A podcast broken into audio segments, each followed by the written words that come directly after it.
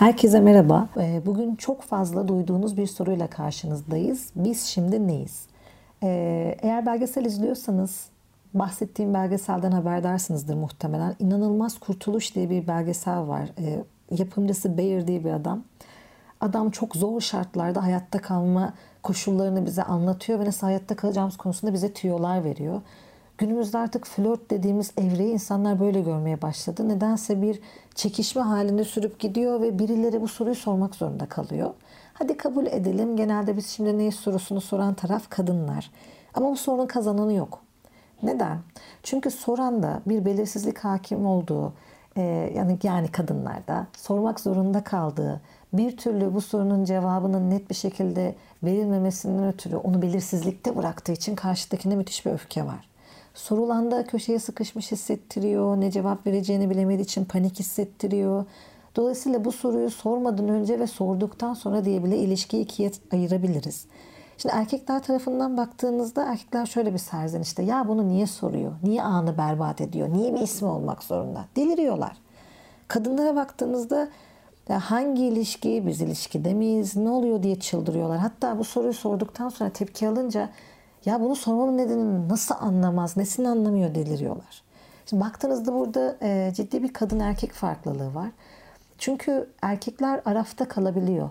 Bir süre orada takılabiliyorlar. Zaman isteyebiliyorlar. Ama kadınlar arafta kalamıyor. Kadının sorun çözme mekanizması var. Hızlıca cevap isteme mekanizması var. Yani kadın belirsizlik istemiyor. Kendini konumlandırma telaşı var kadının. Aslında kadın size şu soruyu sorarken biz şimdi neyiz derken şunu anlamaya çalışıyor. Bu ilişkiye sahip çıkacak mısın? Bana sahip çıkacak mısın? Bana değer veriyor musun? Beni önemsiyor musun? Beni hayatında nereye koyuyorsun? Bunu sormaya çalışıyor. Şimdi bu konuya tam olarak girmeden öncelikle bir yanlış anlaşılmayı eleyelim. Bir kere kötü örnek örnek değildir. Neden? Çünkü kadını ve erkeği aşırı temkinli olmaya yeten belki de bu dönemi inanılmaz kurtuluş gibi bir hayatta kalma çabası gibi görmesine sebep olan şey bu aşırı örnekler. Bunları edersek birbirimizi daha iyi anlayacağız. Şimdi şöyleleri var biliyorsunuz. Hani e, kadın bırakın evliliği ilişkide bile romantik ilişki teklifini nasıl alacağından, kız arkadaşlarını nasıl tanıştıracağına, telefona nasıl kaydedeceğine, Instagram'a hangi fotoğrafları atacağına kadar kafasında bir plan var. E bunun bir de erkek versiyonu var. Takipçi listelerinden erkekler silinecek, etek boyu belli olacak, kimlerle görüşüp görüşmeyeceği belli olacak. Kadın dediğin şöyle olurlar. Her iki tarafın kafasında talimatnameler var. Size de bu bir evcilik oyunu gibi gelmedi mi? Bir tane ev var. Her şey tamam. İşte kadın ve erkek hazır. Orada sanki hangi cinsten olursa olsun kişi durmuş sadece yanına birisi gerek. Bu fazlasıyla figüran gibi hissettirmez mi?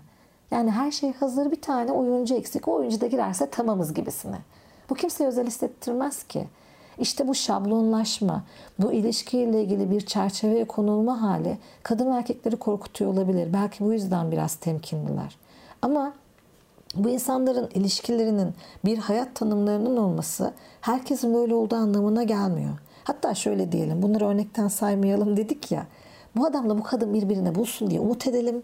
Bizden uzak olsunlar cümlesiyle o örnekten hızla uzaklaşalım diyorum ben. Hani dedik ya kadın konumlanmak istiyor. Değer gördüğünü, özel olduğunu, ilişkiye de kendisine de sahip çıkıldığını görmek istiyor. Ama erkek de şablonlaştırılmaktan korkuyor. Bir de maalesef bu tarz insanlar özellikle şablonlaştırmaya e, yatkın olan insanlar da aktif olarak e, sosyal medyayı kullanan, bu halleri gösterenler, kadınlar daha fazla olduğu için erkekler bu hadiseden daha çok korkuyor. Bir de erkeklerin karşısına şöyle örnekler çıkarılıyor. İşte seni nikah masasına oturtacaklar. Seni sevgilisi yapacak. Daha da öteye gidelim. Seni işte uşağı gibi kullanacak. Erkeklerin bilinçaltlarında böyle korkular var. Güçlerini, erklerini kaybetme yönelik. O yüzden onlar bu şablonlaşma halinden, bu çerçeveye sıkıştırma halinden daha çok korkuyorlar. Bir de erkekler, bunu kadınlara söylemem gerekiyor zannedersem, dolaylı dilden de anlamıyorlar. Şimdi kadın soruyor ya bu soruyu, biz şimdi neyiz?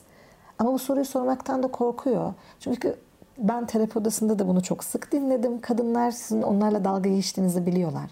Abi bana biz şimdi neyiz diye sordu. İnsanız dedim aa falan diye dalga geçtiğinizi biliyorlar. Haberiniz olsun sayın erkekler. O yüzden kadın sıradan, çağ dışı ya da erkeklerin deyimiyle kezban olarak damgalanmaktan korktuğu için bu soruyu sormayı istemiyor aslında. Hatta özel olmak istiyor ki siz baştan onun ne olduğunu söyleyin sormasın. Ama sormazsa da şöyle bir durum var. Yedik, içtik, gezdik, tozduk hatta belki temas bile oldu. Kadın bu sefer şundan korkmaya başlıyor. Ya beni ona değer verdiğim için değil de rahat biri olduğum için sormuyorum sanırsa. Ya herkes de böyle bir ilişki yaşadığımı düşünür. Benim rahat biri olduğum kanaatine varırsa. Yani sorsa bir dert, sormasa bir dert. O soru size bir şekilde gelecek. Ama kadınlar, erkekler dolaylı dilden anlamıyor. Mesela şöyle şeyler yapmak zorunda kalıyor garibimler. Karşınıza geçiyorlar. İşte biz de sürekli seninle yazışıyoruz, konuşuyoruz ya. Arkadaşlarım bu kim diye sordu. Ne diyeyim? Senden ne diye bahsedeyim? Ya da sen beni telefonda nasıl kaydettin? Bir bakayım ben de seni ona göre kaydedeyim. Nasıl kaydedeyim? Adam diyor ki Ahmet diye kaydet. Sonra kadın çıldırıyor. Dolaylı dilden anlamıyorlar. Soruyorsunuz ama adam ne demek istediğinizi anlamıyor. Anlayanlar da anlamazdan geliyor. Zaten anlayacak olsa ya da anladığında size cevap verecek olsa sizi bu konumda bırakmaz. Diyorum ya eğer bir adam Arafta bekliyor, süre istiyorsa amenna ama kadınlar için bu çok zor. Kadın sorusunun cevabını bir şekilde alacak. Her türlü o cevabı alacak ve onunla hareket edecek. O zaman bence şunu yapın. Karşınıza alın. Çünkü olması gereken bu. Biz şimdi neyi sorusu erkeği paniğe kapılacak bir soru. Erkeği paniğe sürükleyecek bir soru. Karşınıza alın iletişim geçer akçedir. Ne istiyorsanız sorun. Bu sizi kezban yapmayacak. İletişimi nasıl nasıl şekilde yönlendirdiniz? İletişimi ne şekilde kullandığınızın bir önemi var burada. Dümdüz sorun ya. Deyin ki adama ben ciddi bir ilişki istiyorum. Senden çok büyük vaatler beklemiyorum. Bu ilişkinin neye evrileceği konusunda ikimiz de şu anda çok büyük öngörülerde bulunamayız. Büyük tahminlerde bulunamayız. Ama senin ne istediğinden emin olmam lazım deyin. Ve alacağınız cevaplara da hazırlıklı olun. Çünkü herkesin ciddi bir ilişkide olmayı isteme hakkı olduğu gibi istememe hakkı da var. Ya da sizden zaman talep edebilir. Hangi cevaba nasıl tepki vereceğinizi de cebinizde tutmanız gerekiyor sevgili kadınlar. Yani adam size ben ciddi bir ilişki istemiyorum. Bağlanma korkum var diyebilir. Ya da ciddi bir ilişkiden çıktım, kötü şeyler yaşadım. Seninle iyi vakit geçiriyorum ama gerçekten birinde çok uzun süreli bir yolculuğa çıkmaya hazır değilim diyebilir. Ya da az önce saydığım nedenlerden dolayı bile benim biraz zamana ihtiyacım var diyebilir. E konuşuyoruz işte bakarız da diyebilir. Sizin ne cevap vereceğiniz çok önemli. Çünkü bu soruyu sorduktan sonra hiçbir şey eskisi gibi olmayacak. Bu sorunun cevabına göre hareket edeceksiniz. Peki erkeklere ne öneri verebiliriz bu konuda? Eğer bir kadın size bu soruyu sorduysa o soruyu ciddiye alın. Eğer dalga geçerseniz sizin de üç ihtimaliniz var. Kadın ciddi bir ilişki düşünüyorsa onu kaybetme riskini göze alıyorsunuz demektir.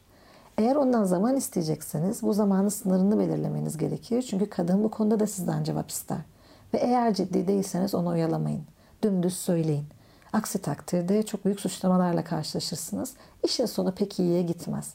Ha şu da var. Erkeklerin bana en çok şikayet ettiği şey. Ben ciddi bir ilişkiyi düşünmediğimi söyledim. Zamana ihtiyacım oldu ama büyük ihtimalle evlilik vesaire gibi bir şey düşünmediğimi söyledim. Ama yine de uzun süre sonra karşıma geçip serzenişlerde bulundu. Şimdi ben bu kadına ne söyleyeyim? Ee, evet yapanlar var.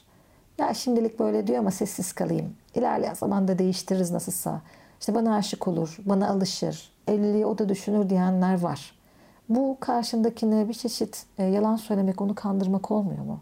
Evet var, böyle ihtimaller var ya da istisnalar var diyelim. Her Türk sözü gibi bu söz de çok doğru. Ama istisnalar kaideyi bozmuyor.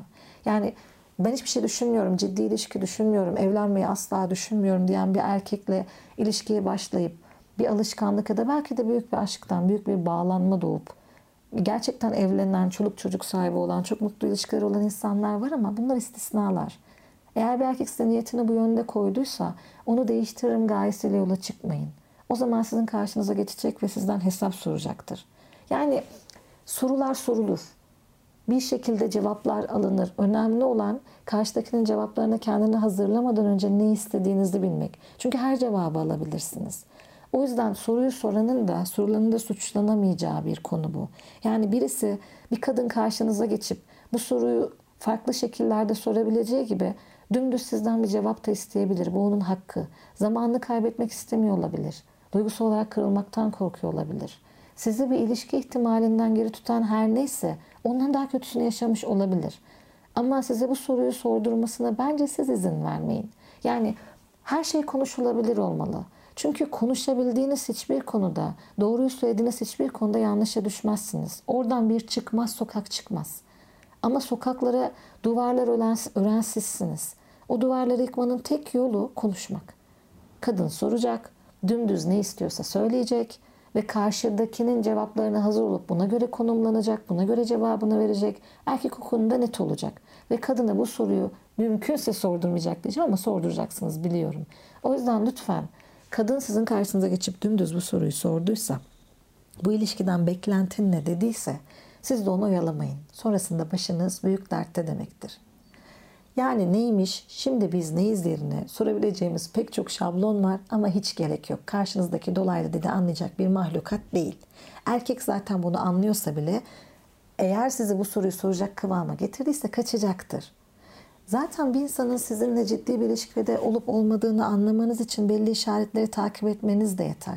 Yani bir erkek sizinle halı saha maçına gidecek hali yok ya da sizinle FIFA maçı atacak hali yok. Evet bilgisayar oyunları erkekler kadar iyi oynayan kadınlar var ama hani çok fazla görmüyoruz bu çiftleri. Eğer sizinle kız arkadaşlarınızla özel yaptığınız aktiviteleri yapıyor, bundan keyif alıyor, size özel zaman ayırıyorsa sizi bir tık farklı bir yere koymuş demektir zaten. E, bir kadın da size işaretlerini veriyordur onu konumlandırmanız için. Eğer sizden fazlasıyla zaman talep ediyor, bazı özel durumları talep ediyor, zor zamanlarında ya da özel insanların bulunabileceği zamanlarında sizi yanında talep ediyorsa ona cevap verme vaktiniz ufak ufak gelmiş demektir. Bunu niye anlatıyorum? Ya bu soru hiç olmasa olmaz mı? Ben çok irite oluyorum diyen insanlar için anlatıyorum. Belki bu soruyu önleyici bir durumlarınız olabilir yani. Bunlara bakabilirsiniz. Bunlara baktığınız durumda bazen sorulara gerek olmadan ilişki kendi akışında ilerler. Dedik ya iletişim geçer akçe. Kullanacağınız bir birim varsa bence bu akçeyi kullanın. O zaman bir sonraki podcast'e kadar sevgiyle kalın, bizi takipte kalın, hoşçakalın.